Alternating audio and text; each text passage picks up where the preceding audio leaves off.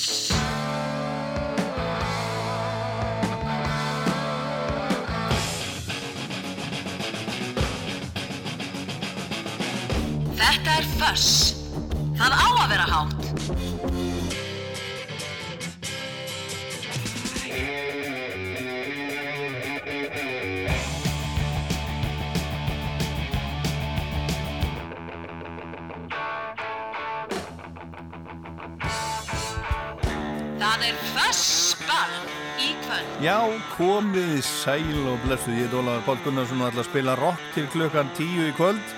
Engan jazz hér, byrjum á lagi sem að heitir Jazzklubburinn með nýri íslenskri hljómsveit sem að heitir Chernobyl Jazz Club sem er búin að vera að vinna sínu, sínu fyrstu plötu. Ég spilaði þetta líka í síðasta þætti. Þannig eru til dæmis Elli bassarleikari úr Bootlegs og svo sem að syngur heitir Amalia var í hljómsveit sem að ég held hún sé ekki lengur til eða ég veit það samt ekki alveg Black Desert Sun, það eru þetta alls konar fordæmi fyrir því að fólk sé fleiri en einni og fleiri en tveimur hljómsveitum. En þetta var þessar Chernobyl Jazz Club og Jazz Clubburinn. Og hérna í kvöld við fáum, uh, fáum sendingu frá vini þáttarins eftir svona korter eitthvað svo leiðis og ætlum að opna fyrir óskalag síma klukkan 8 eins og venjulega taka niður nokkur óskalag og farið nú endilega að hugsa og látið nú endilega í ykkur heyra. Sérstaklega uh, vil ég byggja konur um að ringja, það er, það er ringja miklu sjálfnar heldur en kallar en ég veit að eru, ég veit að hlusta, ég fæ, fæ uh, skilabóði eftir öðrum leiðum og, og svona, þannig að endilega uh, mikið væri nú gaman að heyra nokkur um konum hérna á ettir 5, 6, 8, 7, 1, 2, 3 klukkan, klukkan 8 Svona plata þáttarins, það er platan The Elder með hljómsveitinni Kiss sem kom út á 1981 segi ykkur betur frá þessari blötu hérna á eftir uh, fekk ekki sérstakka dóma og seldist ítla þegar hún kom út og, og svona uh, hefur oft verið talað um hana bara sem eina verstu blötu allra tíma meiri sé en svo hefur hún svona hægt og bítandi verið að vinna sig vinna sig upp uh, svona, hún þykir ekkert, ekkert slæm. Sérstaklega plata, concept plata fyrst á eina concept plata hljómsveitarinnar Kiss.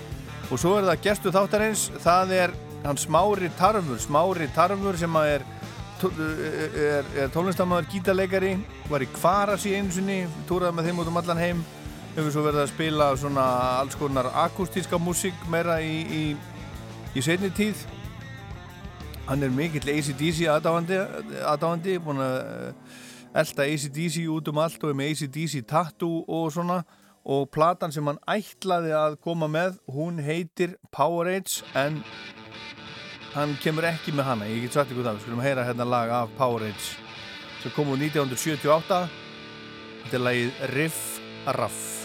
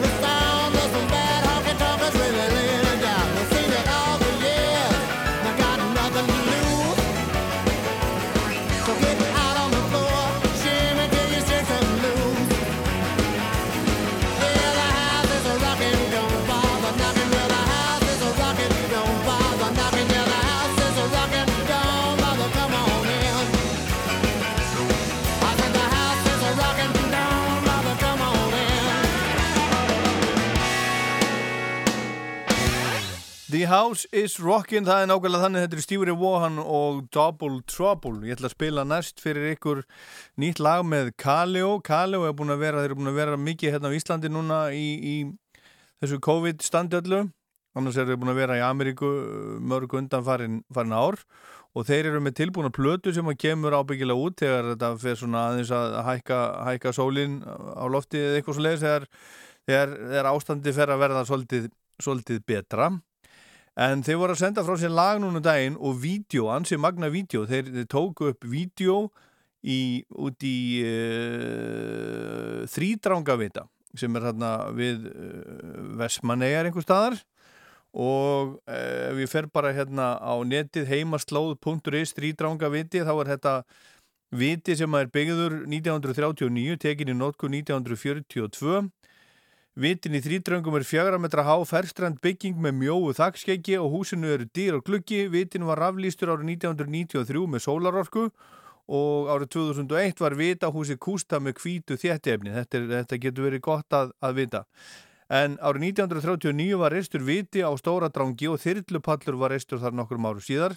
Árið 1938 var, lagður, var vegur lagður upp í stóra drang fyrir komandi framkvæmdir. Nánast ómögulegt er að klífa stóra drang og lögðu menn sig í mikla hættu við að mynda leið upp á drangin og, og þetta er já, í leiðinni könnuðir drangin, boruður fyrir játkæðju vegi þetta er rauninni alveg magnað. Þetta er svolítið, ég, ég hveti ykkur til þess að fara og, og tekka á þessu, þessu myndbandi, nýja, nýja Kaleo finnið þetta á YouTube, Break My Baby heitir lagið og, og þeir taka þetta upp live, þeir eru ekki sagt bara að mæma þetta hann heldur er þetta live upptaka tekin upp hann út í þrýdrangi hérna er þetta. Break, Break My Baby. Kaleo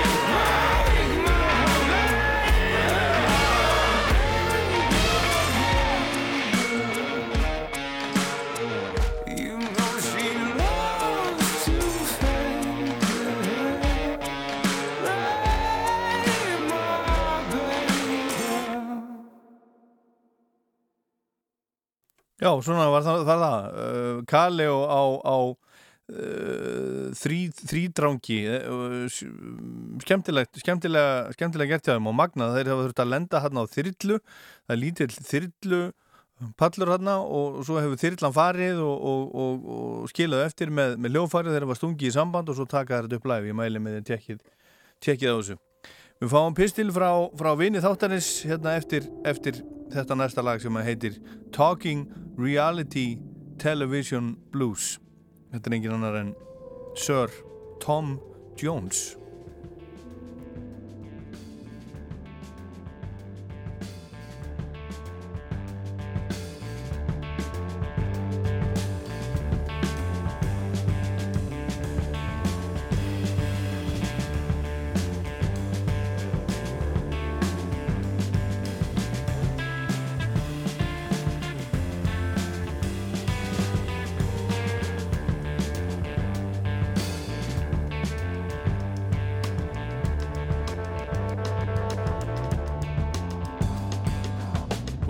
gather around and I'll sing you a song about a crazy old world that's coming along.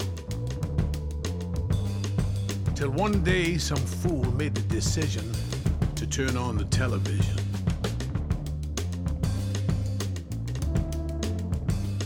Of course, radio reported we'd all ignore it. Paper said we'd have no time for it. But before you knew it, you knew Milton Berle. We all had a new escape from the world. All tuned in before too soon, we were watching a man walk on the moon. He made it look as easy as driving a car. Video killed the radio star. I got the talking blues.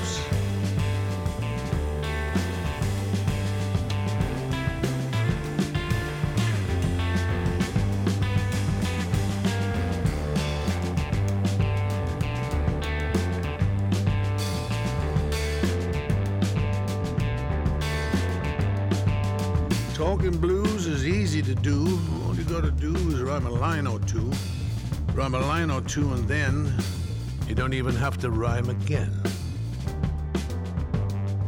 See? I can say anything I want to now.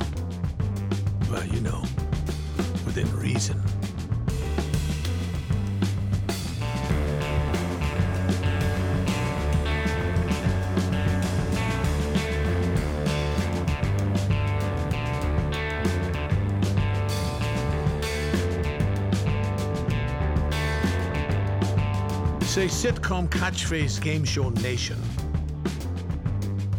Television soon defied explanation. As the situation took to such a degree that eventually we all heard about cable TV. Of course, free TV news swore we'd ignore it, that your average family could never afford it. But again, they were wrong, eventually. Everybody wanted their MTV. We were all tuned in, but now the shock was watching a kid do a thing called the moonwalk. Sliding backwards, really, was eventually too far. Reality killed that video star. I got to talk talking blues.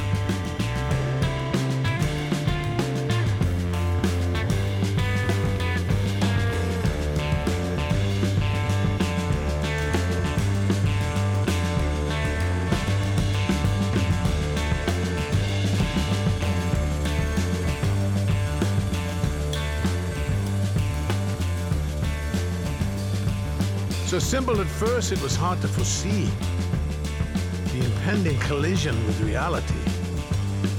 But it soon seemed TV turned on itself when the real world came on like it was something else. Of course, actors all acted like they weren't flawed, hoping eventually that we'd all get bored. But one after another, we pretended not to act we hurtled ever forward towards alternative facts.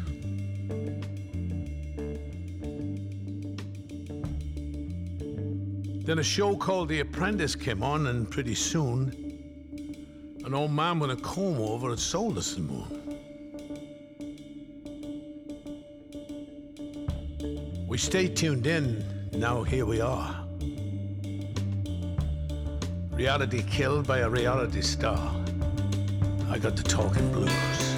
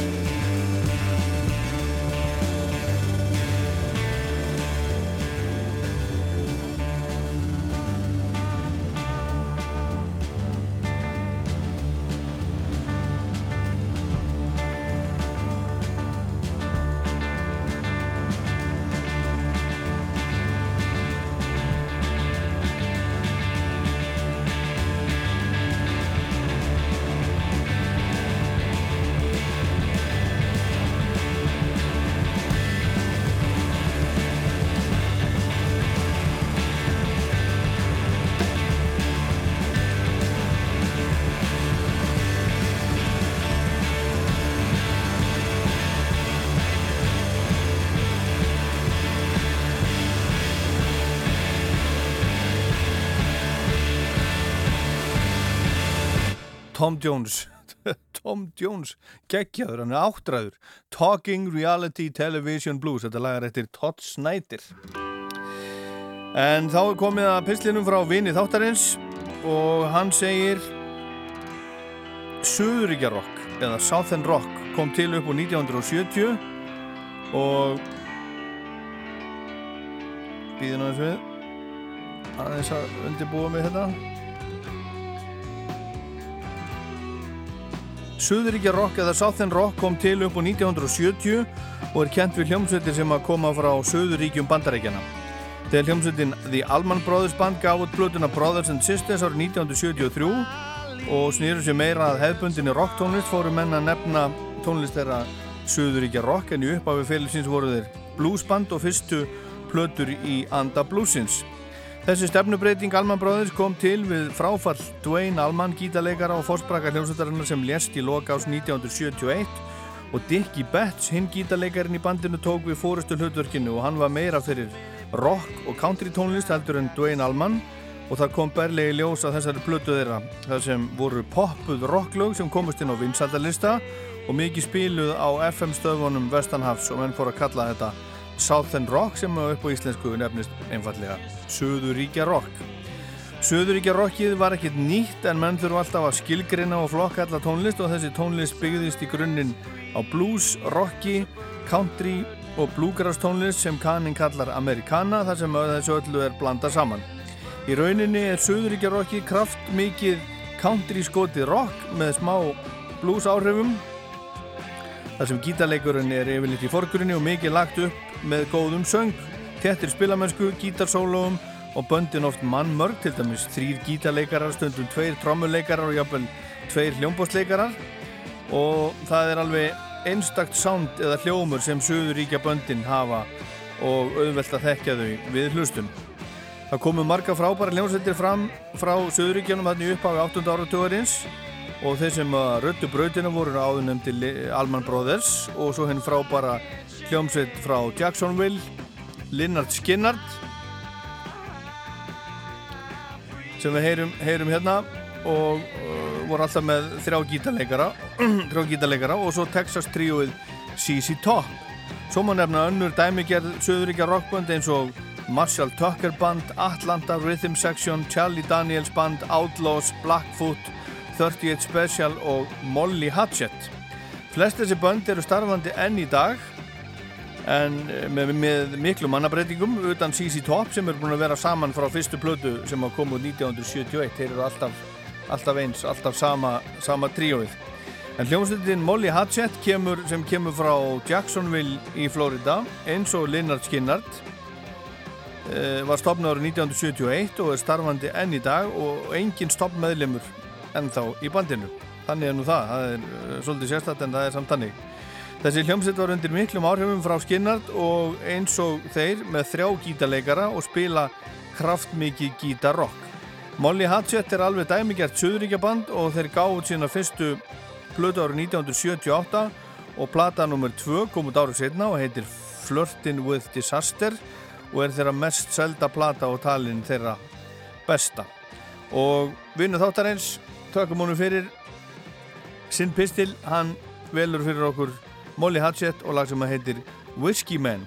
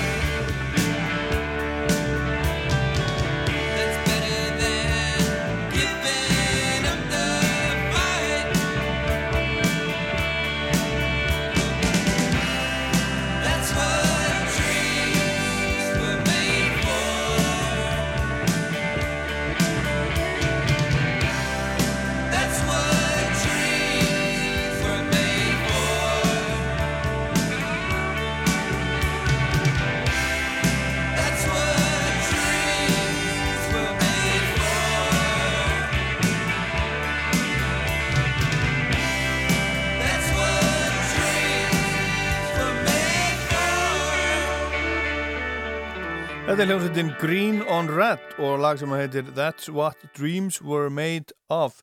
Og hérna í Fuss eru næst auglýsingar og svo ætlum ég að opna fyrir síman 5687 123 Ertu klár í alvöru íslenskan vetur? Sindamanni, austurhraunni og sindamanni.is Átt þú rétt á slísa eða skadabótum? Bótaréttur.is 520 51 00 Skapandi einstaklingsverkefni út frá áhugarsviði. Hver og eitt fær tækifæri til að þroska hæfileika sína.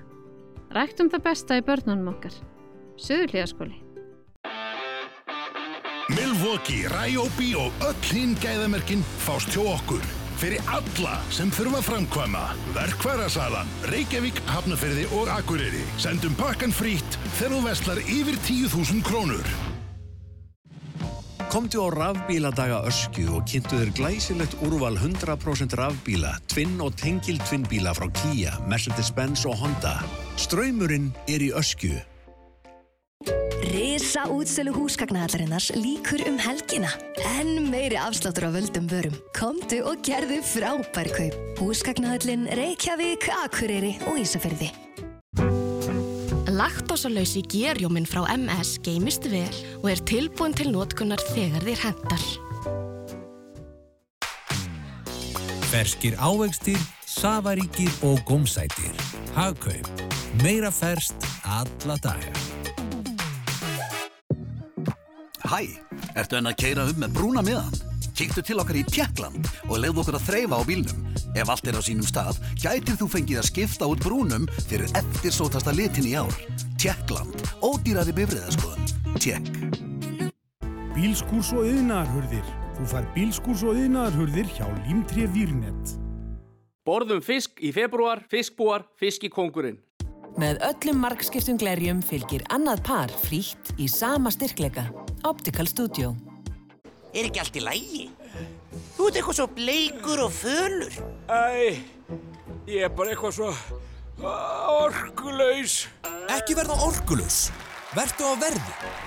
Lægsta verði. OB. Vínilparkett, vínildúkar, vínilflísar. Golvefni í miklu úrvali. Kjaran, síðumóla 12 til 14. Kjaran.is Þann 1. mæ mun vinnuskylda vaktavinnu fólks hjá ríki og sveitarfjölugum stittast um fjóra til átta tíma á viku. Fjölskylduvætna samfélag er eitt stærsta baráttumál BSRB og stytting vinnuvikunar er risavaksi skref í þá átt. Kynntu þér málið á bsrb.is Ég fer í fríið, ég fer í fríið, ég fer í fríið Ég fer í fríið, ég fer í fríið, ég fer í fríið Víkurverk. Allt í ferðalagið. Rock'n'roll, öll mín bestu ár. Þuss. Já Þá er það þá er það síminn, símatíminn símatíminn hérna í förs og það ringja hérna alla línur sem mér finnst alveg afskaplega. Mér þykir það mjög skemmtilegt, mér finnst það mjög gott. Það er leiðilegt þegar, þegar engi ringir þegar maður vil tala við einhvern, þegar engi vil tala við mann það er alveg glatað. Og ég saði hérna frá því á þannig að ég vildi eh, með þetta búið að væntu ef, ef að ringdu einhverjar einhverjar konur, það er meir en kalla sem að ringja en ég veit að konunir eru líka hlusta. Halló Rástuða Hvað býtum við? Fyrir gjöðu? Þú ert hérna, Rástuða? Já, já, góða kvöldið, Jóli. Góða kvöldið, hver er þar? Sveitn heitir hann. Sæl, Sveit, hvað ringir þú? Ég ringi Akureyri. Ak, já, Akureyri, já, já. Þú hefur nú ringt, á, ringt áður. Já, já, Akureyri. Sem er mjög gott. Ja. Hvað, hvað ætlar að bjóða okkur upp á kvöld? Já, ég var nú að hugsa um að bjóða upp á uh, gamla upp á spaldu mitt uh, Genesis. Já. Já. Og hvað viltu heyra með Genesis? Mm, það poppaði upp í hausin á mér hérna á plötunni And Then There Were Three hérna 78 Já. Uh, Ballad of Big. Ballad of Big, þú, já, það þýðir ekkert að semja við, ég nefnilega sko Steve Hackett á Amal í dag. Nú Og ég var búinn að setja hérna niður kannski að spila Lamb Lies Down on, on Broadway. Herðu, þú mátt alveg semja um það vinni Já, ég var, var að taka það? Já, já, já, já. Herðu, ég, hann fór fram hjá mér að stífa eftir ammali Hann er sko, hann er, þetta er orðin fullorði maður, hann er 71 árs. Já, já það Sást hann, sást hann þegar hann spilaði með Totmobil? Herðu, ég Ég var með flensu. Nei, Það var nei, nei, var nei. bara veikur heima. Nei, nei, nei, nei, nei. Ég ætlaði að fara með sóloplötunar og fá hann til að árita. Já, og það fór allt saman fyrir ofangarinn en hann, hann, hann fór ekki fyrir, kallið fyrir hann að var búin að árita allt saman sko. já, já. Þótti standa sig alveg sko. Eins og segi, hann var Já, já, það, það, það var bara, það var, þegar var engin lengur til að árita fyrir, þá, þá, þá fór Já, hann þú fyrst. meinar, hann fór, hann fór fram sem sagt eftir Eftir tónleika. Já, og bara og áritaði og áritaði hitti fólk, eins og, og, og, og þurfti. Flott hjá honum. Herðu, við spilum lamblaðist ánunarbrótu og ég veitir Frábært. Takk fyrir að hringja, hafa það gott. Sömuleiðis. Já, sömuleiðis, bless. Róstvö Halló, Óli, já, blessað. blessaður. Dabbi Börnum. Ha, Dabbi hérna Sölfúsi. blessaður. Sælis, heyrðu. Hvað ertu með fyrir okkur? Brása, ég er búin að brása töluvert á netinu og, og hlusta Spotify og svona. Þegar maður er búin að hlusta á Meitin 300.000 sinnum og Black Sabbath og svona. Og. Þannig kom maður að breyta til. Akkurat Og það er hérna hljómsveit sem heitir Radio Moskvo. Radio Moskó Já, og lag sem heitir 250 Miles. Aha, Þetta er tríó, skemmtilegt tríó frá Æhúa. já Ég mæli með þessu bandi. Herðu, þetta er komið á blað Skellum þessu, þessu á hérna eftir Já, já, bæ. Takk fyrir að ringja, bless, bless. Rástö Já, góða kvöldi. Góða kvöldið Heyrðu, ég ætlaði að byrja um að spila fyrir mig Rush. Já, Eitthvað gott bara af Signals-plötunni. af Signals-plötunni Já. Manst þetta er einhverju sérstöku? Nei, ég man ekki alveg hvað lögin heita þarna. Á ég að bara, bara velja eitthvað af Signals Já, já. En er hvað- bara hvað- upp á- Uppáhaldslægið. Já, hvað heitið þú?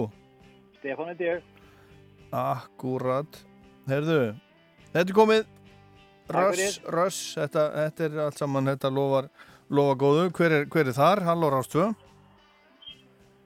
Halló Nei, nei, nei, nei, nei, nei Þetta hefur verið einn af konunum sem ég var að býða eftir Það myndi ringja Halló, Halló, hver er þar? halló, Sæll Helgi hérna.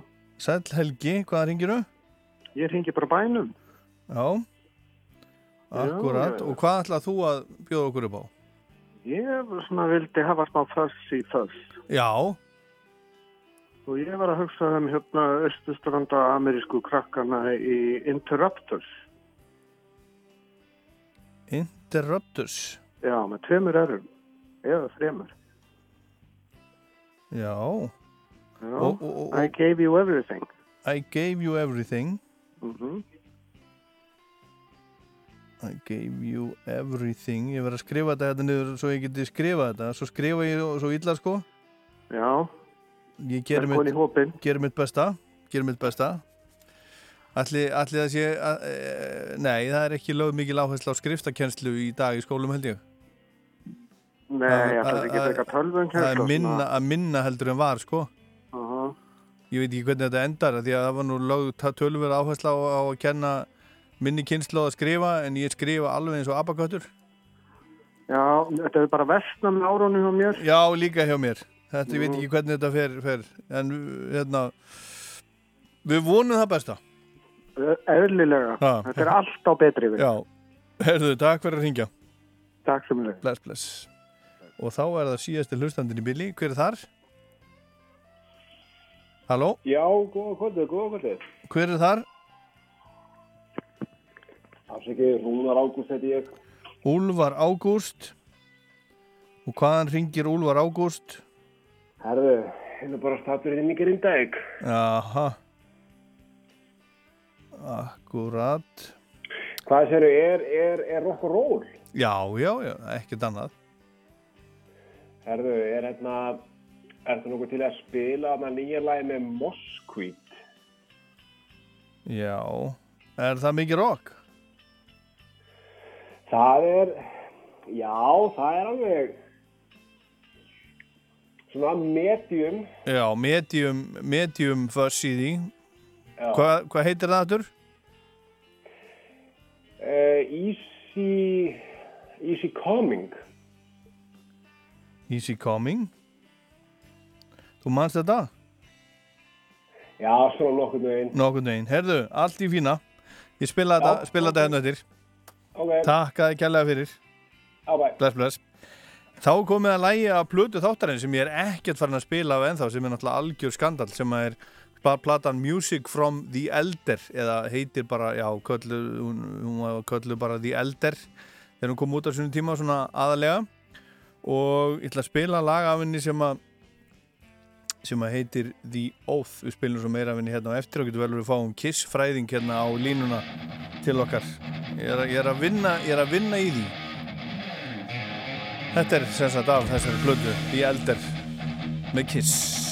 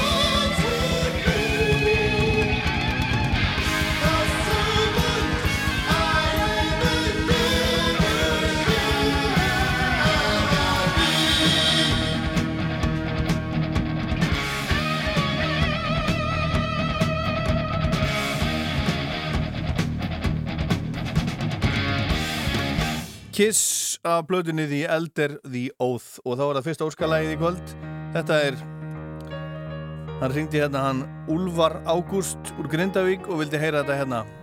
Hann sagði þetta ætti, ætti heima í þessu þætti. Þetta er ljónsveitin Moskvít og Easy Coming. Guilty pleasure stains your pride. What I would never care or give a damn. I guess we're growing strong. And I bet you'd never understand. Cause I don't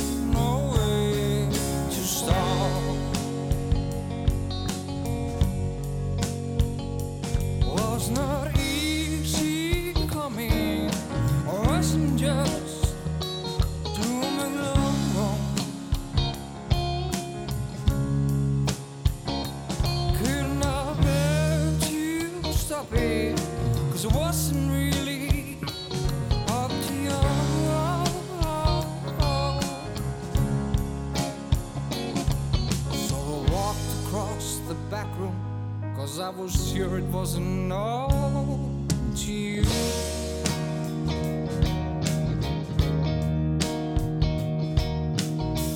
So many times they try to tell us and lead us on ever so soon.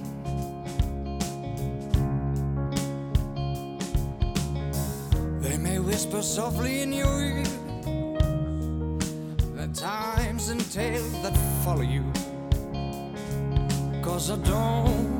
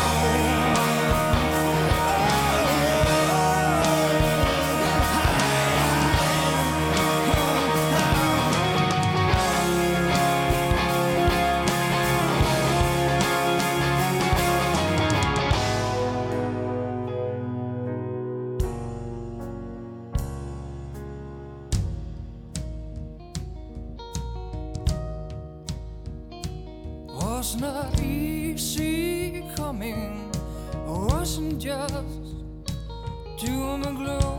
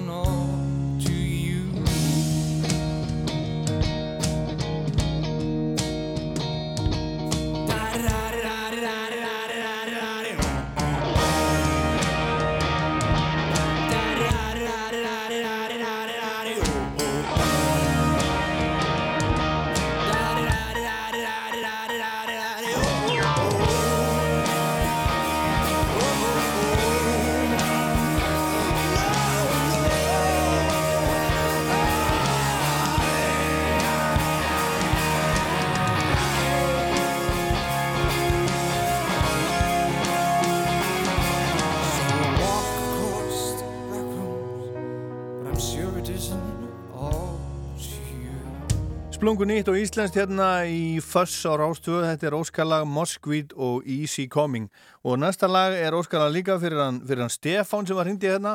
Hann vildi heyri eitthvað af plötunni Signals með hljómsveitinni Russ sem kom út 1982 sem þið spilaði bara upp á slæðið þitt og ég verð bara að játa það að ég hef ekkert uppáhaldslaga á þessari þessari plötu, ég þekki margt betur heldur en Russ en ég ætla bara að spila lag nummer eitt á aðliðinni, það heitir Subdivisions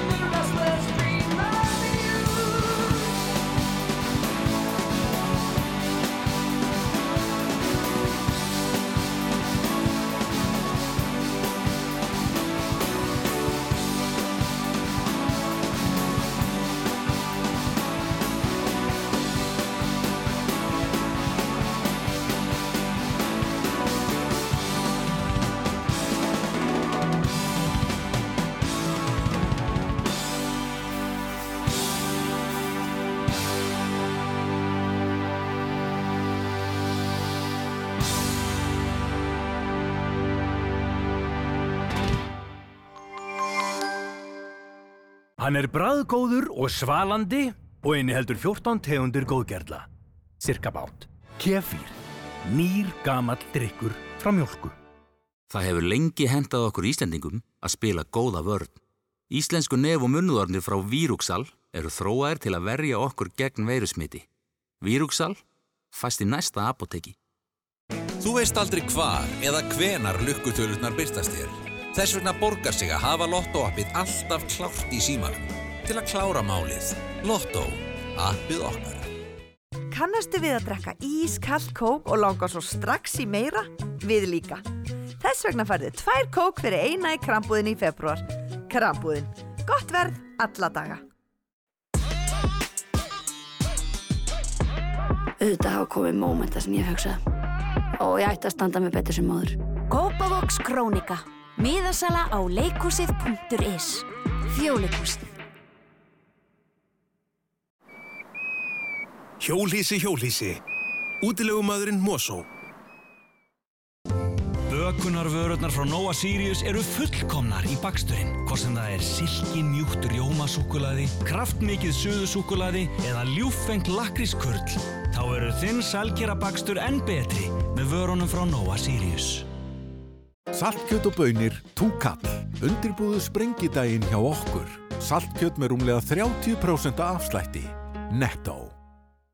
Rósir og rómantík á valentínusardaginn. Glæsilegt úrval af valentínusarvöndum. Garðheimar. Útsölu betra baks líkur á lögadaginn. Enn meiri afsláttur á völdum vörum. Komdu strax. Betra bak, Reykjavík, Akureyri og Ísafjörði. Já, góðan daginn. Heyrðu, við erum aðeins að spá í hérna, var þetta tryggingar og hjól? Já, hérna, bílakjallarar. Eiga þeir ekki að vera þannig að hjól komist inn í þá? Já, já, ég held það. Heyrðu, þakka fyrir. Ég sagði þér þetta, þetta á ekki að vera hægt. Það er alltaf hægt að tilkynna tjón á vörður.is. Það hefur aldrei verið einfaldara. Vörður. Eru nýjir skakkfyrskir gæðaostar sem hver um sig kinkar kolli til heimahagana á sinn einstaka hátt. Feykir, grettir og reykir eru ómissandi þegar þú vil gera þér dagamun. Þú átt helmingi meira skilið. Kynntuður málið á allians.is. Allians. Tryggir þína framtíð. Bókaðu verðskulda frí á sólríkri strönd. Ótal áfangastæðir í bóði fyrir fjölskyldina næsta sumar. Bókaðu með Víta Vernd. Víta. Bolla, bolla, bolla, bolla. Krónan. Brönns um helgar á Lava, bláa lóninu. Njóttu alls þess sem við höfum upp á að bjóða. bláalónið.is Álfuru útsölu múrbúðarinnar líkur um helgina. Ekki missa frábærum tilbúðum. Við erum föss.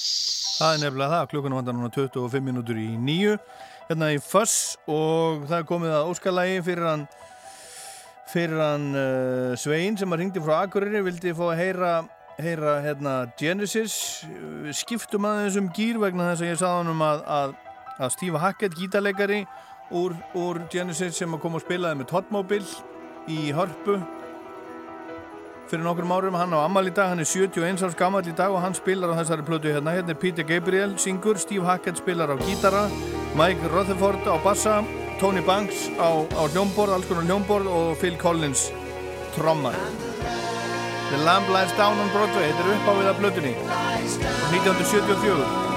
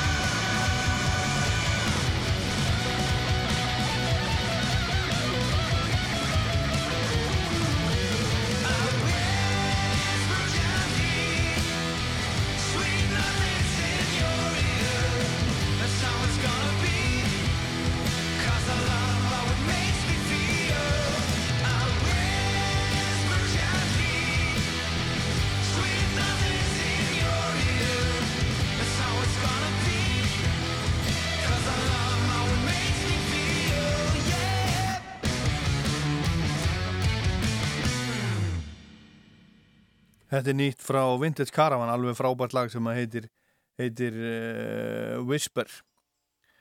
Og þá er komið að, að lægi af blötu, blötu þáttarins. Við spiluðum bara eitt lag af henni hérna á þann, uh, lag sem heitir The Oath. Platan er The Elder, Music from the Elder, sem Casablanca útgáðan gaf út með hljómsveitinni Kiss ára 1981 hún voru 40 ára núna í november og er einhvers konar einhvers konar konceptplata hún byrjar svona á þessu sem að heitir Fanfare og verður nú sent sagt um þessa blödu að hún hafi verið, verið success þessi plata svona almennt en hún er það hjá hún var það hjá íslenskum ungmennu sveitin fekk yfirleitt um, frekar vonda dóma fyrir þá stefnubreitingu sem átti þessi stað frá blötunum undan en, en það fór mikið fyrir Kiss á þessum tíma í unglingablöðum eins og hennu Þíska Bravo og Kiss var bara alveg ótrúlega vinsala með, meðal ungmenna á, á Íslandi til dæmis á þessum tíma þegar þessi, þessi plata kom út og útlýðslega gekk hljómsveitin í, í gegnum ákveðna enduníun uh, á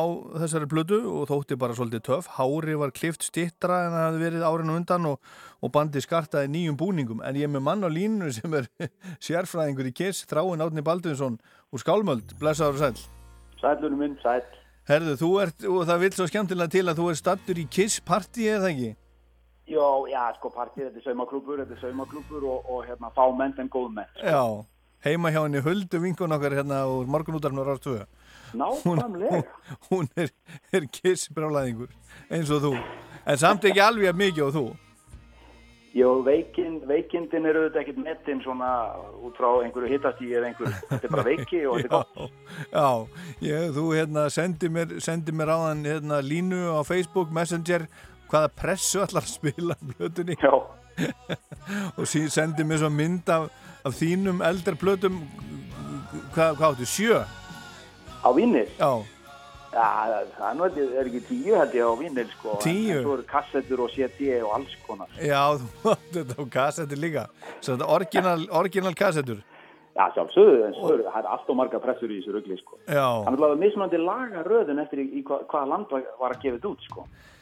já, ég tek eftir því sko hérna til dæmis sem að skoða plötuna á Spotify þá er ann önnur röðáin heldur en var á plötun uppáflega Já, ég held að þetta sé 97 líka remaster útgáfa frá bandaríkjum þetta er allt í döðlum og rugli sko. Er það, allt í rugli bara Já, já, En, já. en heyriru mikið mun á, á pressunum Já, þetta er bara spurningum þegar búin að pressa einhverja plötu í, í skriljón eindöngum og, og masterinn er bara orðin eh, daufur sko, svo tekur einhvern original eh, master og, og, og, notar hann, þá er allt betra sko. Já, já þetta er svona vín, vínil nörda pælingarna sko. Já, en þessi plata, hún, svona, hún þótt ekkert, hún seldist illa Já. og þótt ekkert sérstök og var svona, svolítil, svona stefnubreitingir voru með Bob Esrin, upptökustjóra sem hafi gert til dæmis The Wall með Pink Floyd og gerði með þeim Destroyer Já. En hérna, en einhvern veginn þá, þá mistóst þetta einhvern veginn hjá þeim þetta einhvern veginn náði sko- ekki í gegn Bob er náttúrulega partipókarnir voru ekkert að hjálpa honum sko. Nei, já, hann var, hann var svolítið í því Já, pínur ruggla, ruggla kallinu Svolítið sko. að púðra á sér nefið Þetta er skal ég segja þér eina kissplatan held ég sem er ekki ennþá certified sko í gulli. Já, sem er náttúrulega ótrúlega með að við margir kissnördar eiga mörg eintök sko.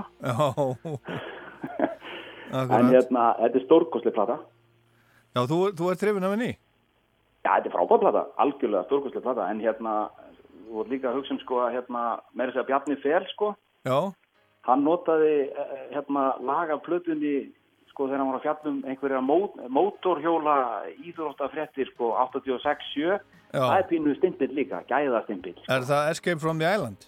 það er nefnilega bara nákvæmlega Já, já, já, já Ertu með það? Já, ég er með það, að sjálfsögðu. Ef að heyra það?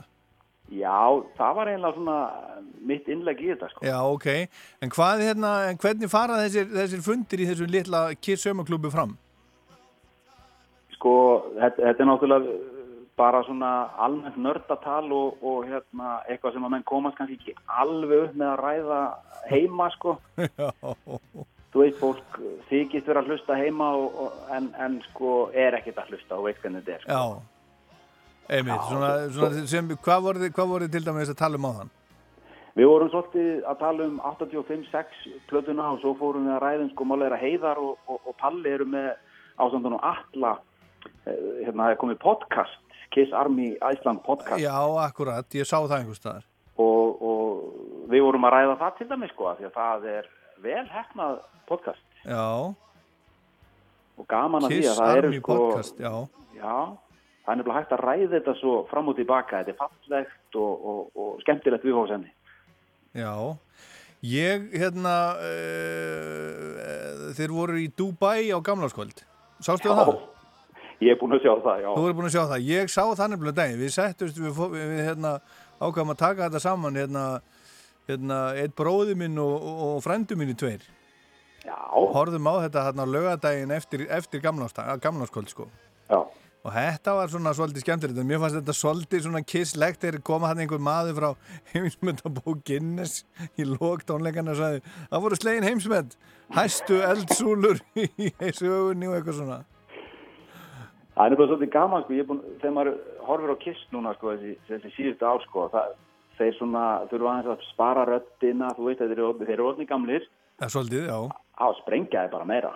Já, en ég það kom mér samt óvart að ég hef aldrei séð hljómsveitina, ég hef aldrei séð Kiss tónleika. Það kom mér óvart hvað, hvað Pól Stanley gatt sungið, sko. Já. Ertu sammála Hann- mér í því? Já, hann, er, hann, hann getur ennþá sungið en sko, þegar þú horfir á hann sko, giggi nummer 14 kannski af 24, Já, það, hann þarf að passa sig sko. já, já, jú, jú, Og endur, eðlilega, en Gene verið halda sinni djöflaröð helgrítið vel sko. já, já, akkurat, akkurat, já, já. Herðu, en, hérna, en þetta er sem sagt, þetta er sem sagt mistaraverk þessi plata og bara eina bestu plötum Kiss. Þetta, sko, það er náttúrulega ekki til slæm kissplata, við skulum hafa það alveg á kristapæru. Ó- Ok, en, en þær eru, eru misgóðar. Maður hlustar sko ekki jafn ofta á þær allar en þessi plata er alveg topp 8 hjá mér. Topp 8, 9 af sko 30 og hvað, 5 blöðum eða já, það er bara þannig. Já, þetta er frábært En, en hvað fannst þér um lúkið, sko, hérna, nú ert þú með sítt og mikið hár og þú ert í skálmöld, m- sérðu fyrir að skálmöld tæki þetta, myndi, myndi fara í svona, uh, svona Prince Valiant sítt? Alltaf mjög mikilvægt að segja aldrei, aldrei. Það má aldrei segja aldrei. Það sko, menn fara bara í rugg ég mann eftir þessu bara í gamla daga sko, allt í nú voru aftur öðruvísi og mér fannst þetta bara cool sko. Já, já, mér fannst það líka. Já, en þeir, það, þeir eru nú ekkit alveg kannski í skíjónum sjálfur í dag, sko, þeir eru hugsað tilbaka. Me, með þetta? Nei, þetta var Nei. kannski full krött beigja frá því sem var, sko. Þeir vilja nú meina að dænast ég hafi nú byrjað, sko, að- fóru þeirra út af veginum aðeins, sko. Já, þá verður það svona, það, já, það er svolítið, þú veist, þið byrja náttúrulega bara svona hard rock band og svo verður það svona svolítið diskobólur á Dynasty og, og Unmasked og svo kemur þetta þarna, Já, svo halda þeir að séu bara röss. Kjölfarið, eða já, svoleiðis, já, sko. já, já. Og við sem elskum þetta bara tónlist getum fílað þetta en svona bólurinn og svona þeir sem voru bara í toppónum, svona vildu hlusta á hard rock, bara topp lögin, sko. já, Þeir fóru yfir í Judas Priest og Maiden og svo já, já, mér fannst þetta alveg, alveg þræl fín plata á þessum tíma, ég fekk hann í jólagjöf ábyggilega þegar hún kom út. Já. Fannst þetta bara alveg, bara stór gott. Herðu, en, þeir, en hérna þetta lag Escape from the Island, er það ekki rétt munið hjá mér þeir eiga þetta saman Ace Frehley og Eric Carr? Jú, og, og, og hérna, og Ace tók allt upp bara í stúdíónu sinu í New York, hann vildi ekkit fara upp til Kanada að taka upp með þeim, sko, hann vildi ekkit gera þess að plötu, það var bara leðanlegur, Já. þannig að hann og Erik... Já, og hann var ekki ánað með hana heldur þegar, þegar hann heyrði endal útkomu. Nei, nei, nei, nei, en hann var nú svo sem ekki heldur að, að hérna, hann var líka aðeins að partíja, sko. Já, partí smá. Herðu þráinn, takk kærlega fyrir spjallið. Skulum heyra hérna. Escape from the Island og, og, og hversu, og Bjarni Fél notaði þetta? Bjarni Fel notaði þetta lag, er það ekki bara pínu gæðastimbil, eða? Ég held að það sé bara alveg á kristal, kristal tæru sko. Þróttur á mánudagskvöldi kl. 9, Já. 1986, allt er gott. Herðu, ég, ég, ég kveði þráinn þakkaði fyrir og, og óska formlega eftir að vera bóðið einhvern tíman að koma og vera með í þessu sangvæmi. Ég, ég ber þetta undir Já. söfnuðin og, og þú færið skilabóð. Já, allt í vína. Takk fyrir minn. Já, bless, bless.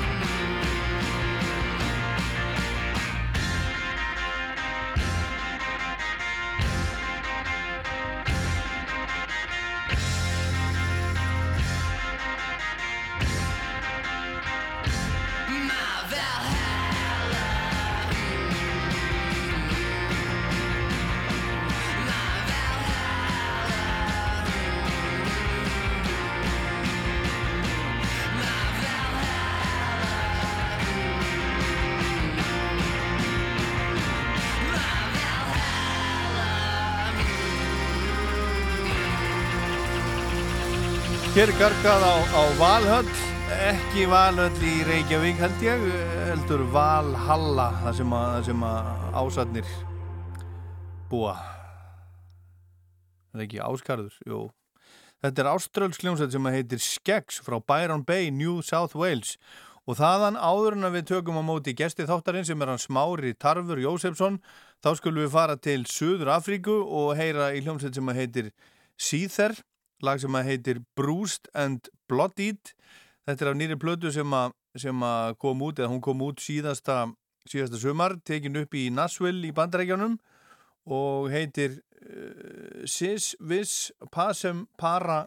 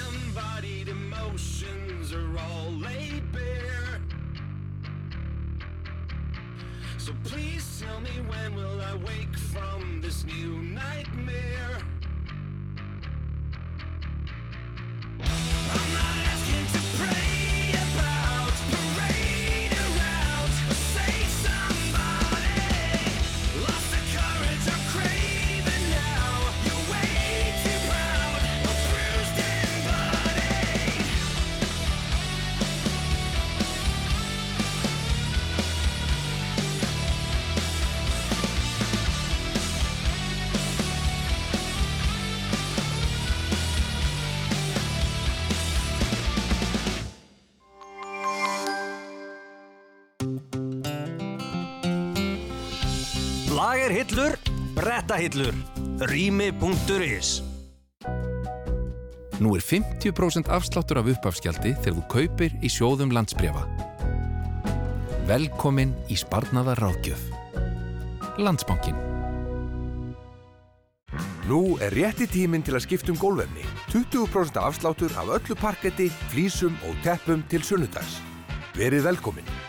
Báhás. Mikið úrval, gæði og lágt verð. Alltaf.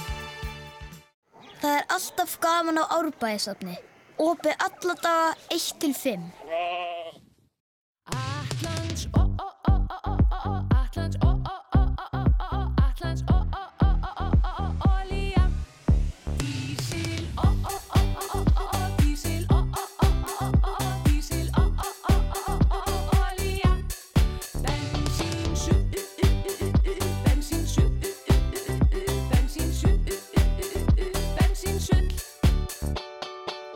Atlandsolía.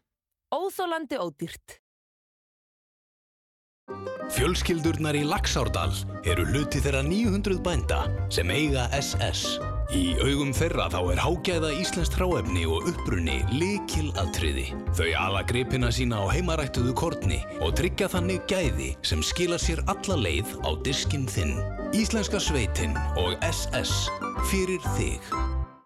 Kauftu Nokian gæðadekk og bókaðu dekkerskiptin á max1.is. Max 1 bílavaktin. Ég fer í fríið, ég fer í fríið, ég fer í fríið. Ég fer í fríið, ég fer í fríið, ég fer í fríið. Víkurverk. Allt í ferðalagið. Beint úr efstaleitinu í Reykjavík. Fram og tilbaka með Felix Bergsinni á Rás 2. Ég tek laugardaginn snemma með ykkur og gestum mínum og byrja eftir fréttir klukkan átta. Gestur minn næstkomandi laugardag er engin annar en Guðni Bergs, formaður KSI, en hann ætlar að segja okkur af fimm knaspinnuliðum sem hafa haft áhrif á lífans. Ekki missa af Guðna Bergs og Felix Bergs í fram og tilbaka á laugardaginn á Rás 2 og svo á öllum hlaðvarpsveitum. Margt smátt, gerir ekki raskat, meira föss. Þetta er rock þátturinn Föss sem þú eru að hlusta á, ég heit Ólafur Páll og gestur þáttarins er, er mættur Smári Tarfur Jósefsson, gítarleikari, tónlistamæður og leikskólakennari. Eitthvað svo leys maður. Eitthvað svo leiðis. Kvotur sæll og- sæll og blessaður. Marg blöðsuður og sæll. Og, og, og allavega fyrirverðandi útastmaður hérna á Rástöðu, hvað get þátturinn ekki? Hamsatólk? Hamsatólk, jú. Ha, og, og, og hvað var hann lengi? Hann var, um, hvað, eitt eða tvö ár. Nú var það ekki lengra? Nei. Nei. Þú hendi mér hérna út bara. Va, nú var það þannig? Nei, ég maður ekki hvernig það var, en, en hérna, þetta var allavega vikulegur Já. þungarastáttur á sín tíma. Akkurat, já, já, góður. Gam, gaman að taka það sæti eftir að hafa hlustað á þungarastátturinn á Rástöðu hérna vikulega á sín tíma. Já, sem hver var með þá? Herru, það var Anna Björk Birgisdóttir, það var Lósa Sigurjónsdóttir Var og, Anna Björk með þungarastátt? Já, já, sperrið þeirrum. Já, já, er það? Ég man ekki til því. Já, já. Og Lóisa Sigurjónsdóttir og Sigurður Sverrisson. Já, já, ég man eftir, man eftir, man eftir Lollu og ég man náttúrulega eftir Sigga. Mm. Ég verði að fá önnu, önnu Björk í, í þáttinn. Alveg klárt. Ha, Alveg klárt. rockhjarta slæðir þar. Já. Herðu, en hérna, smári, sko, hérna, ég hef nú ekki, ekki orðið mikið var við þig núna í svolítið tíma. Þú varst að spila á gítar hérna, hérna mikið, þú varst að spila með kvaras í einu sinni, Mm. fórst með þeim til útlanda það ekki? Stemmir. Mikið stöð? Já, já, það er hægt að tala um það dögum saman. Já, já. að- spila fyrir 30-40 úrst manns og, og er í tónleikaferðum hingað og þangað og bú í rútu og og þetta allt það, það var stuð. það er hægt að láta móðin mása um þetta alveg Já. Endalust en svo þaðan fór ég yfir í Hot Damn Já. og setna fór ég svo að spila á slætgítar fór tölvöld bara fór eiginlega alfarið yfir í kassgítarinn má segja fór að syngja sjálfur og fór líka að spila með hljómsveitinni Ilja Já. þannig að hérna Svo bara einhvern veginn bara hættir að spila. Nei, það er ekki alveg svo. Ég, er sem sagt, ég fekk leið á því að vera í Reykjavík af því ég er landsbyðar durtur. Já. Þannig að ég ringdi bara í félaga minn og, og spurði hvort ég mætti ekki koma og móka skít á sveitabænum hans undir eigafjöllum og hann Já, hélt, hann hélt það nú. Já, já, já. Og svo fá einum vikum setna þá er ég farin að spila bara fyrir mörg þúsund manns á dag við Seljalandsfoss. Þá satt ég þar bara og, og leka fingrum fram, bara, spilaði bara flæðist tónlist og úr því varð dæmi sem ég kalla Son of the Wind, bara hreinlega hugleiðslu, flæðis, velíðunar tónlist, Já, já. En svo eftir það, þá sérst, meiðist ég á hægri hendi, hún fór alveg í rúst, má segja sko. Og það liður hreinlega fimm, allavega fimm ár þangti ég fór að spila aftur sem bara núna í, í, í haust. Bara spilaði ekki neitt. Ég bara snerti ekki gítar í hálfan áratug sko.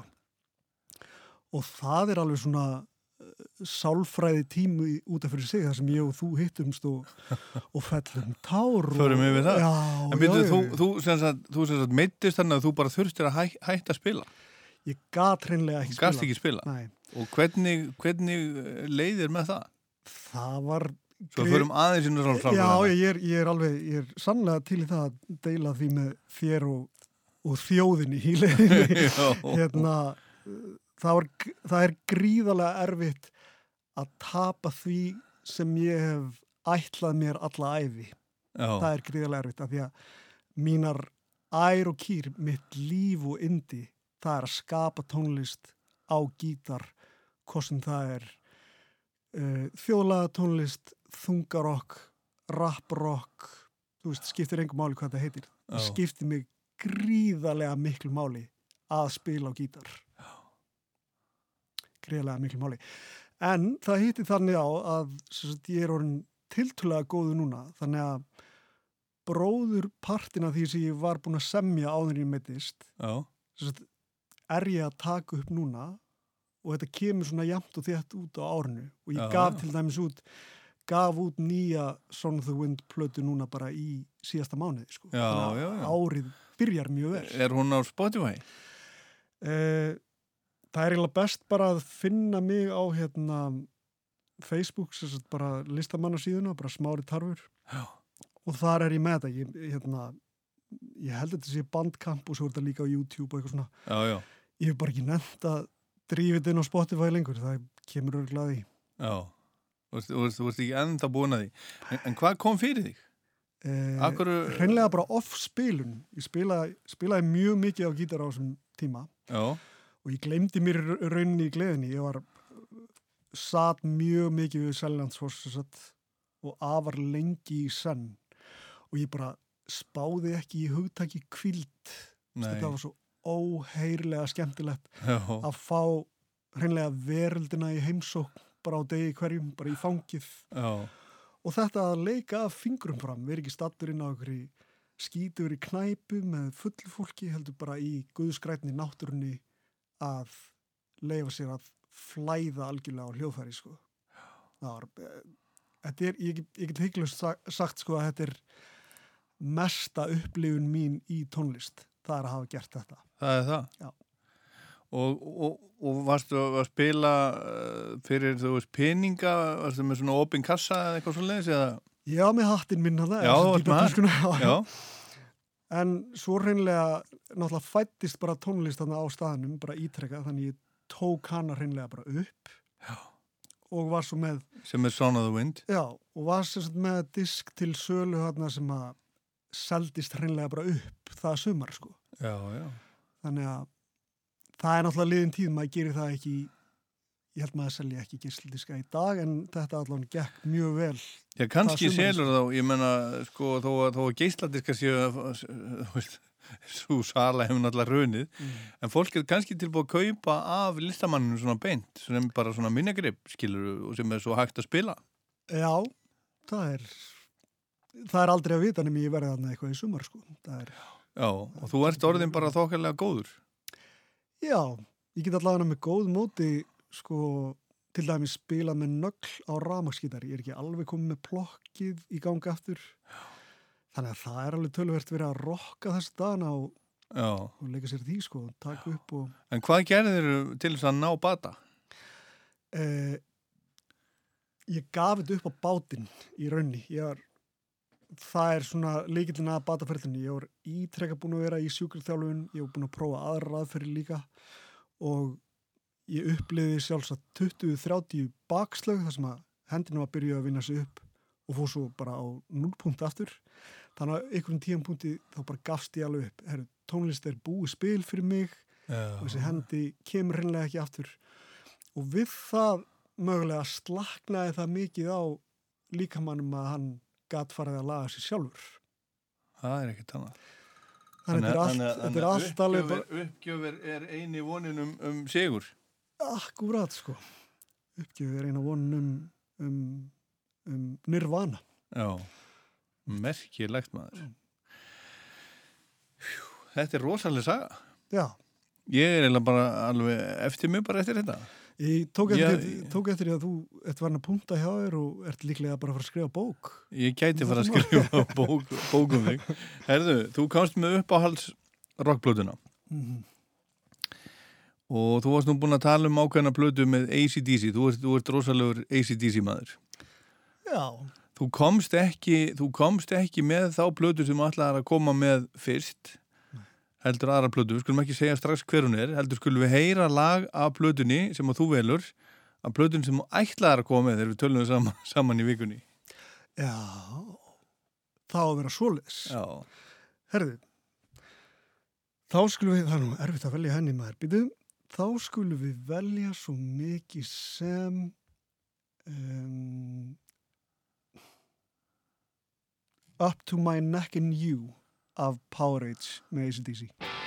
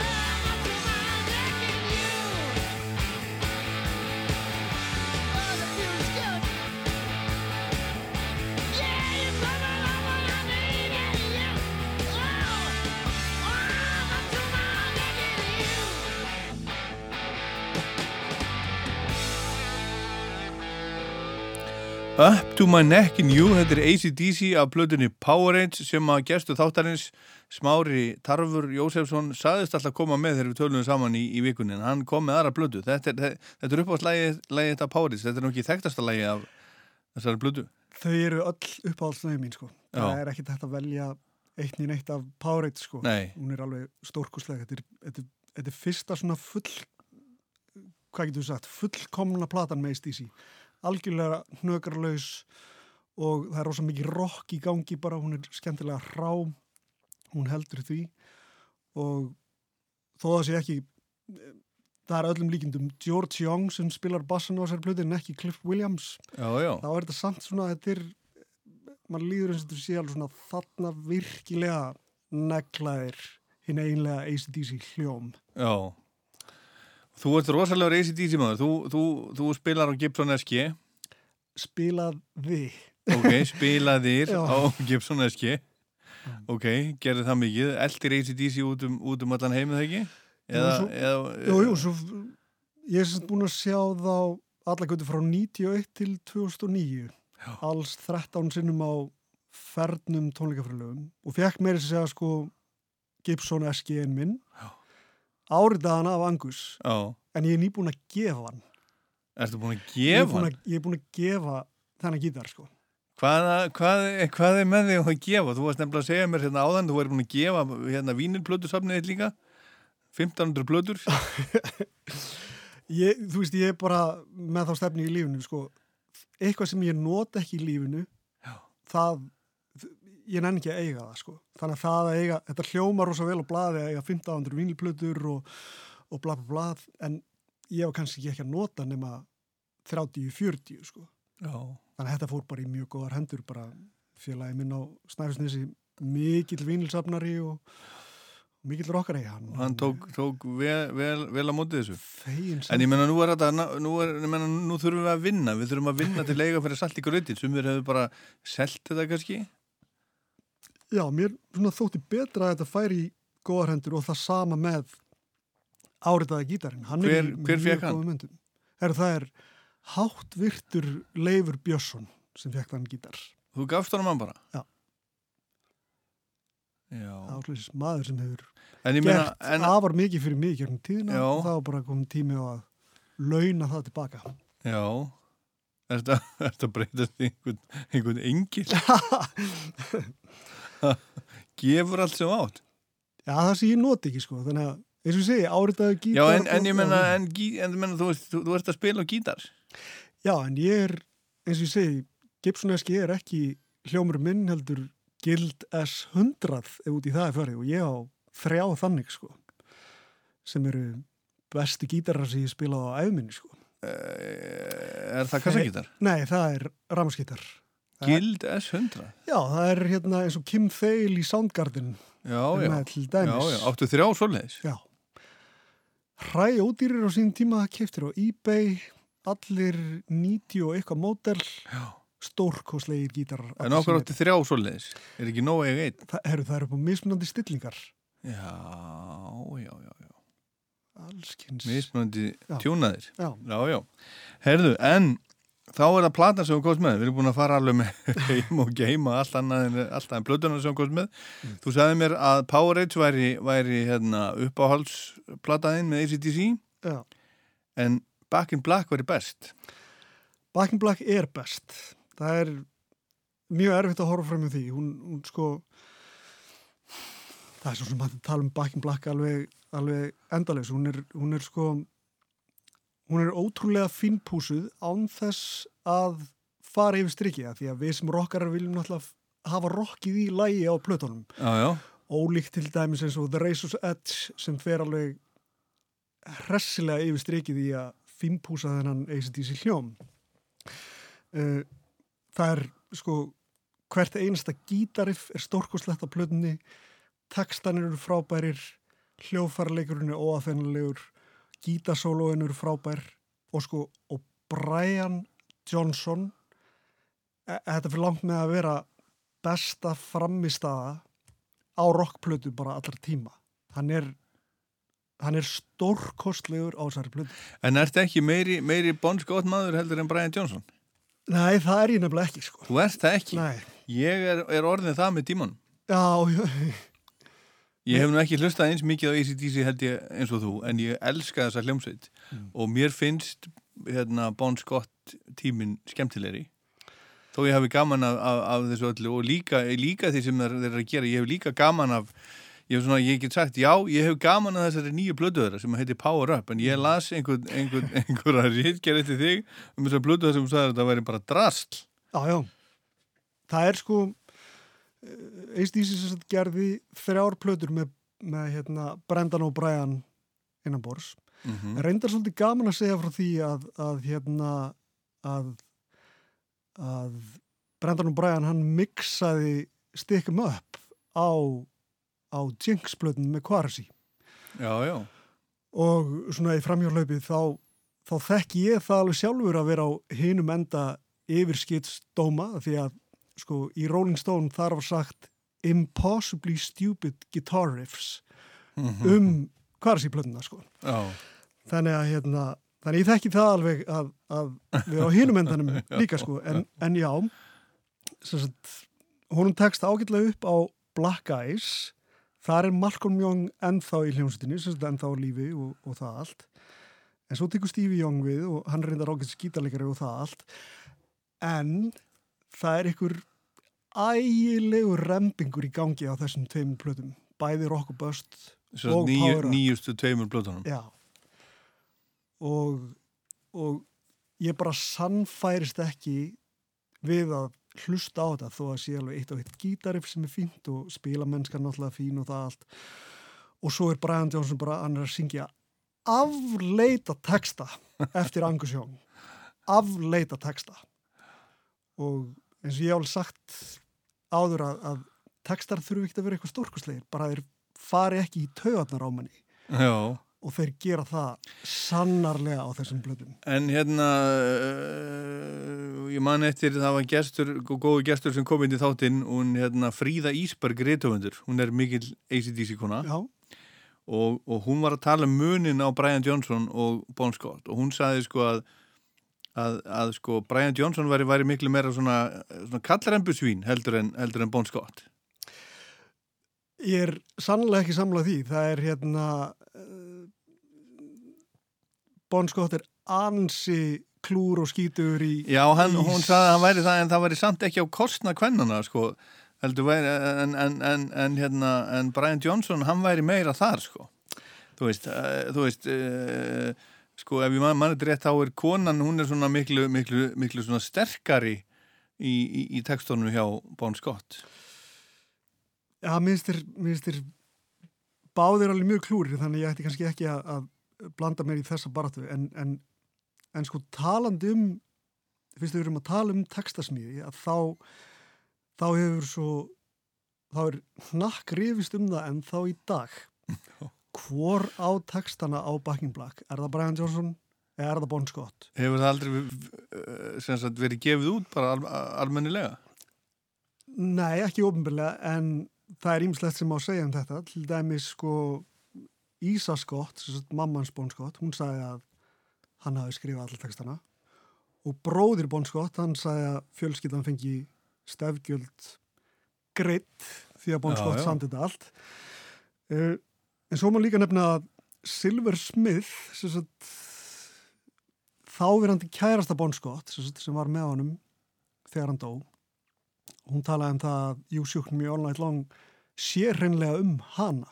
Já, já, já. Hún átti til dæmis hest sem hétt Double Time og, og þau orð koma fyrir í textanum og, og hérna og ef maður ber saman til dæmis You Shook Me All Night Long af Back in Black og svo til dæmis Shot Down in Flames af Highway to Hell. Þetta er alveg sami rítstýlin og svo, svo bara strax á Those About Rock þá breytist tölvert hérna áferðin á textanum eða þess að rítstýlin reynlega breytist. Já, já, þú ert búin að, að stúdera þetta alveg liggja í þessu. Pínu. textagerð ACDC, ég er ekki við sem að margir hafi farið í það, þetta er meira svona, meira svona riffin, rockið, stöðið, en minna kannski verið að velta sér upp úr, upp úr textagerðinni. En þú ert búin að gera það. Já, það er náttúrulega skemmtilegt þegar þegar metnaðurinn er uh, liggur yfir allan flötinni, ef svo má segja Mhm. þú veist, að, að hljóðfæraleikurinn sé frábær söngurinn sé frábær sem og textagerðin þannig að auðvitað er, auðvitað er skemmtilegri að hlutinir séu gegn heilir Já, já. Herðu, en hvað hefur að heyra? Við ætlum að spila tvö lög af Back in Black, þannig er erfitt að velja af þessari, þessari blötu, sko. Já. En, en þú sá á kvölina sem á völina, þú þarfst að velja tvö lög af henni. Já, ég ætla að byrja því að velja lag sem heitir Shake a Leg og ég hvet hlustundur eindir því til þess að fylgjast grant með Brian Johnson í þessu lagi. Þetta er lag sem þeir hafa bara einu sinni flutt á tónleikum og síðan ekki söguna meir. Þetta er afar krefjandi sönglega séð.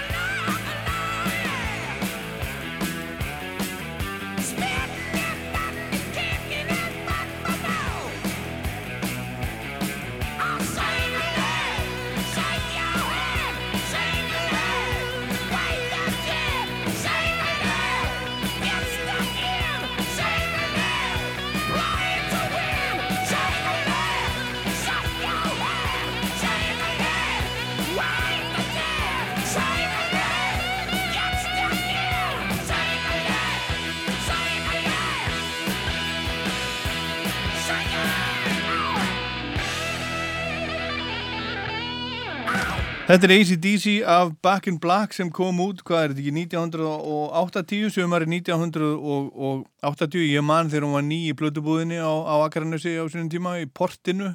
Já.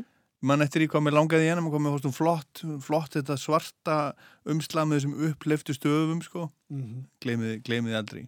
Ótrúlega flott. Og þetta er náttúrulega heiðus, eða plata til heiðus Bon Scott eins Já. og, eins og Angus Young hefur ítrekka sagt. Akkurat, alveg eins og nýja, nýja platan er, er, er svona til heiðus Malcolm, en Já. þú ert ekki eins hrifin af henni.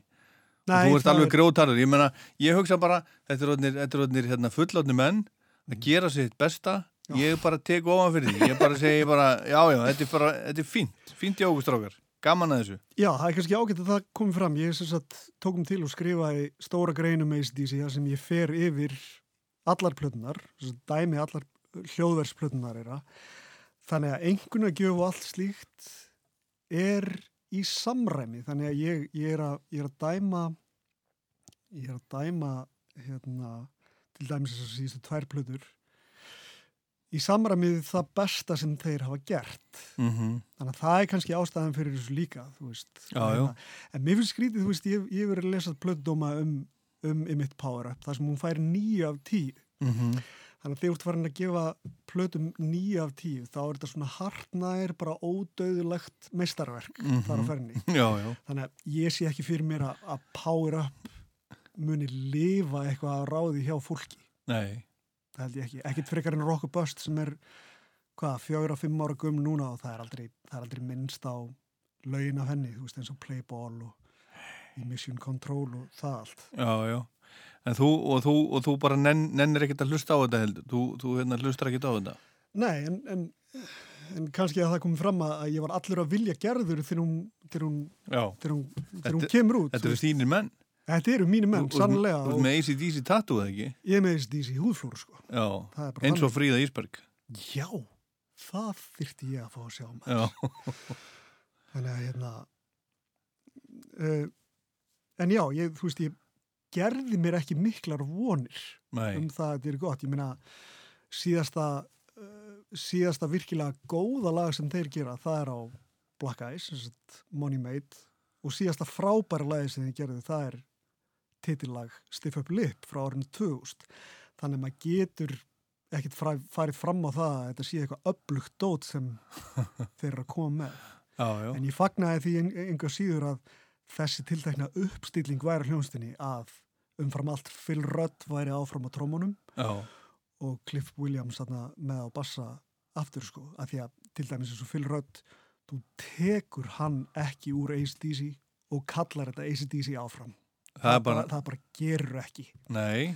það bara gerur ekki, það er gríðarlega mikilvægt Hvað er svona, svona merkilegt við hann? hann, hann hefur bara einstakt lag á því að spila þennan, þennan mm, takt sem við, við höfum heyrt í, í, í 90% laga, veist, alla okkar æfi að hérna, hann hefur einstakt lag á að spila þennan takt af miklum eldmóði.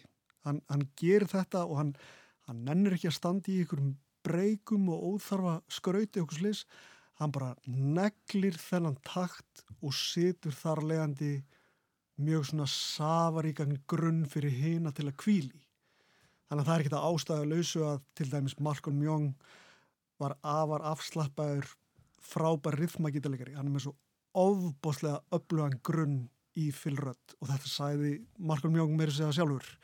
Phil Rudd er ACDC þetta, veist, þetta eru bara orð þetta eru orð Malcolm Young hann sagði þeir hendu inn ykkur um trómurum hann til þess að leysa hann af en þeir ætluðu sér alltaf að fá hann aftur þegar hann væri búin að jafna sig á öllu slæma líförninu hérna áður og Já, já.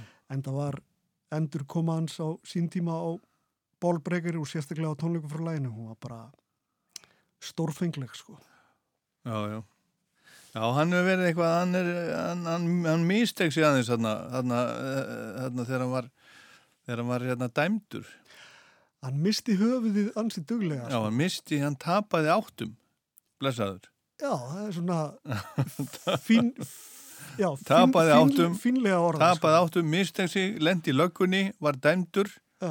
og, og afplánaði sín dómað ekki? Ég held að málið hafi verið fellt niður. Nú var það fellt niður. En hann leitaði sér aðstóðar, sem sagt, Já. fag aðstóðar og, og kom svo bara tilbaka Já. í stuði. Lang, langar það að sjá ACDC í dag? N- Nei, í raunin ekki og, og sko stærsta ástæðan fyrir því er uh, ég sé á síðast á, á Black Eyes í Black Eyes tónleikaferni og það var svo rosalega stórt skref niður á við bara sögum aldurs þú veist alveg, fín spilamennska og það allt en, en ekki ja, trítil óð og hérna aður og líka sko þegar maður er búin að sjá það oft eins, eins og oft og ég er búin að gera pluss allar tónleika upptökurnar og það allt sem maður er hlýtt á þá eru bara lögarna sem ég þarf aldrei að heyra aftur á, á tónleikum sko í, í lifandi flutningi veist, Já. ég, ég þarf ekki að heyra þetta aftur veist, ég, ég, er alveg búið að seðja það hungur en, en sko ég, ég sé þá þegar er svona er upp, upp á sitt allra besta sem setna tíma ACDC, ef ég get orðað að þannig sagt, eftir 90 að, að á í bólbreykir tónleikaferðinni og ég þekki til dæmis dæmi þess að, að, að það eru fáinir englendingar sem eru mjög miklir ACDC menn sem hafa, hafa séð oftar en sko hundra sinnum á tónleikum. Já. og þar á er eitt sem fór á sko 95 tónleika á bólbreykari tónleikaferðinni. Og þeir segja það sko að hljómsveitin nánast hafi aldrei verið jafn öflug á tónleikum. Eins og einmitt- þarna. Já. þannig ég er mjög glaðið með það að hafa upplegað þarna nokkra tónleika En þú, þú sást þá ekki með, með, með Axel Rose? Nei, nei, nei, nei, nei, nei, nei, nei. Það er ekki á því. Þið með kalla það ACDC fyrir mér, það er ekki ACDC. Ég, fór, ég sá það. Ég- Það var alveg áhugavert. Það var alveg, það var alveg þú veist, eh, ég upplefa bara, ég bara ef ég, ef ég, ef ég fyrir tilbaka bara í kvöldi, það var skemmtilegt.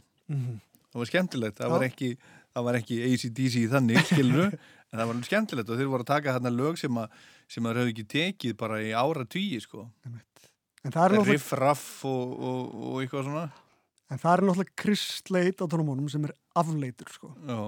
Afsaki, ég, taki svona hressilega á honum, en, en svo er líka það að þegar ég fyrir á ACDC tónleika, að það fyrir mig að sjá sko upp á allt skemmtikraftin minn sem er Brian Johnson, ekki, ekki Bon Scott, að sjá hann hann sko smita svona ofbúslega út frá sér með sinni útgeislun og hvað hann er gríðarlega öflugur að fá alla á sitt band það er bara Brian Johnson þarf að vera maðurinn þannig að nei, ég, ég fór ekki að sjá Axl Rose Erðu smári, hérna, það er bara komið að, að setna leginu. Já. Hvað, hvað ætlar að, hvað ætlar að, hérna, hvað ætlar að hafa það og, og, og hvað, hvað er framöndan í háður um helgina til dæmis? Herri, ég er að fara að taka upp Þú ert að fara að taka upp? Glið og gaman og Já. skemmtilegt við skulum minnast á að við tókum okkur til sem sagt rockljónsettin sem ég er í sem heitir Pierre Dolnick að við ákvaðum bara að gera ACDC lag við erum svo miklir unnendur að við ákvaðum bara herri, við, við skulum bara spreita okkur í því að að gera Gera- ACDC lag þannig að Og er það komið út?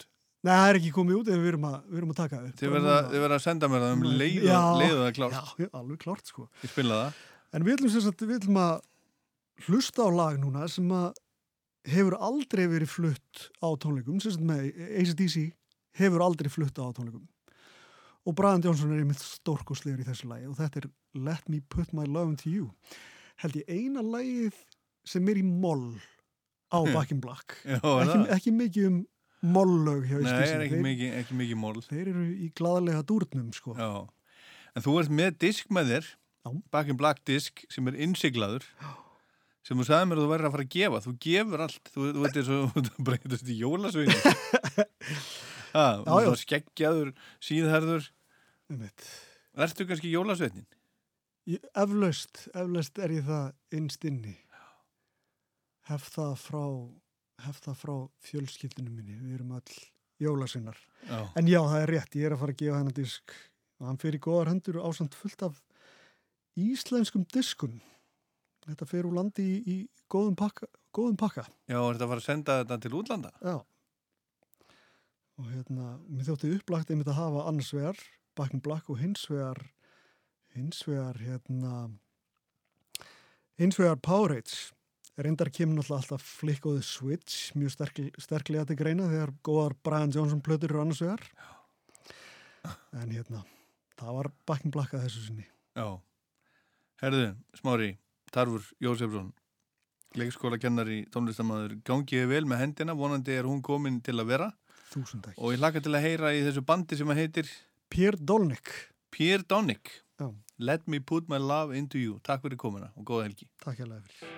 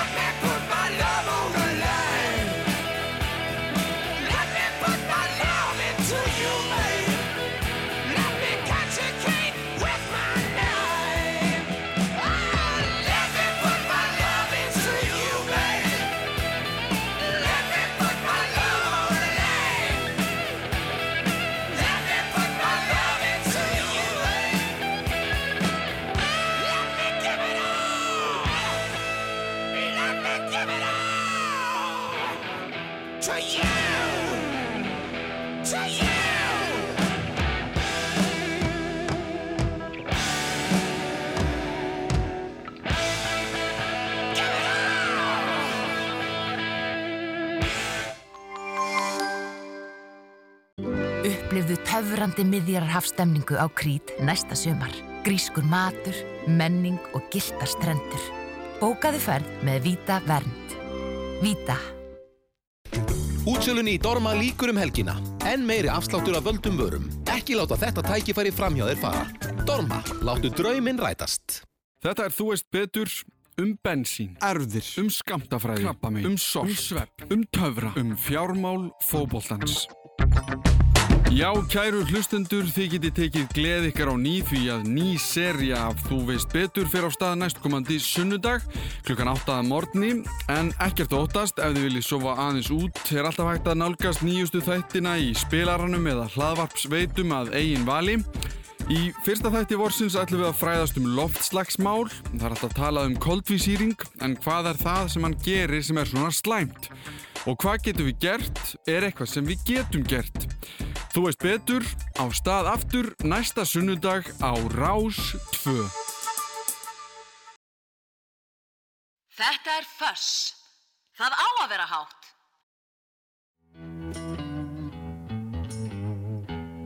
Það er nefnilega það. Það á að vera hátt og það er alveg hárið. Smári tarfur, farinn, takk, takk. Enn og aftur fyrir heimsókninu á spjallið. Hérna er komið eitt af óskalum kvöldsins. Þetta er fyrir hann Dabba sem að ringdi. Þetta er Radio Moscow og 250 Miles.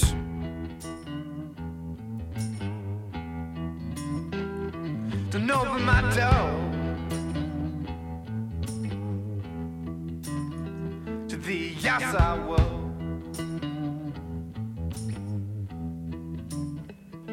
Don't open my door cold outside world.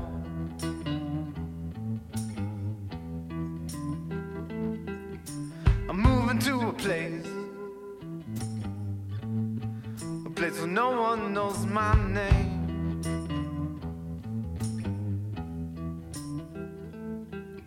I miss you, little girl. I hope you miss me just the same. Just the same.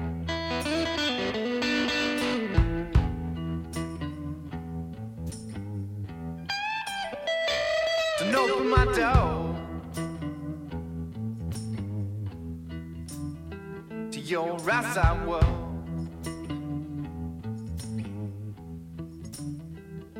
Don't open my door. The cold outside world.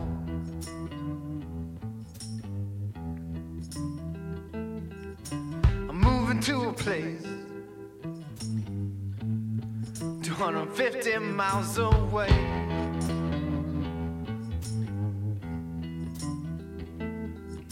I miss you, little girl.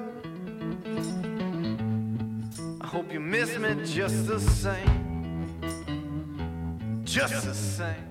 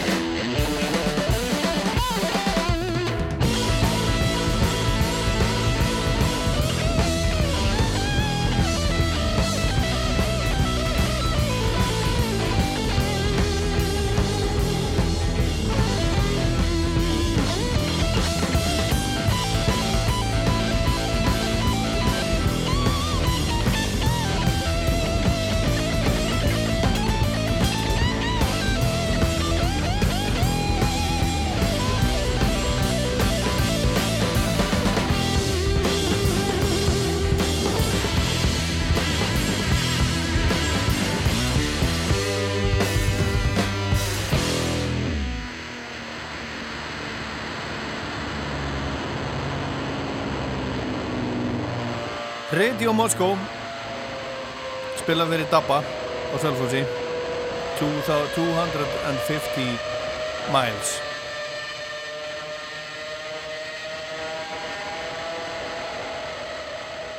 Þetta er bara svona. Og næsta lag er líka óskalag síðasta óskalagi sem við heyrum í þættunum, þættunum í kvöld. Þetta er The Interrupters. Gave You Everything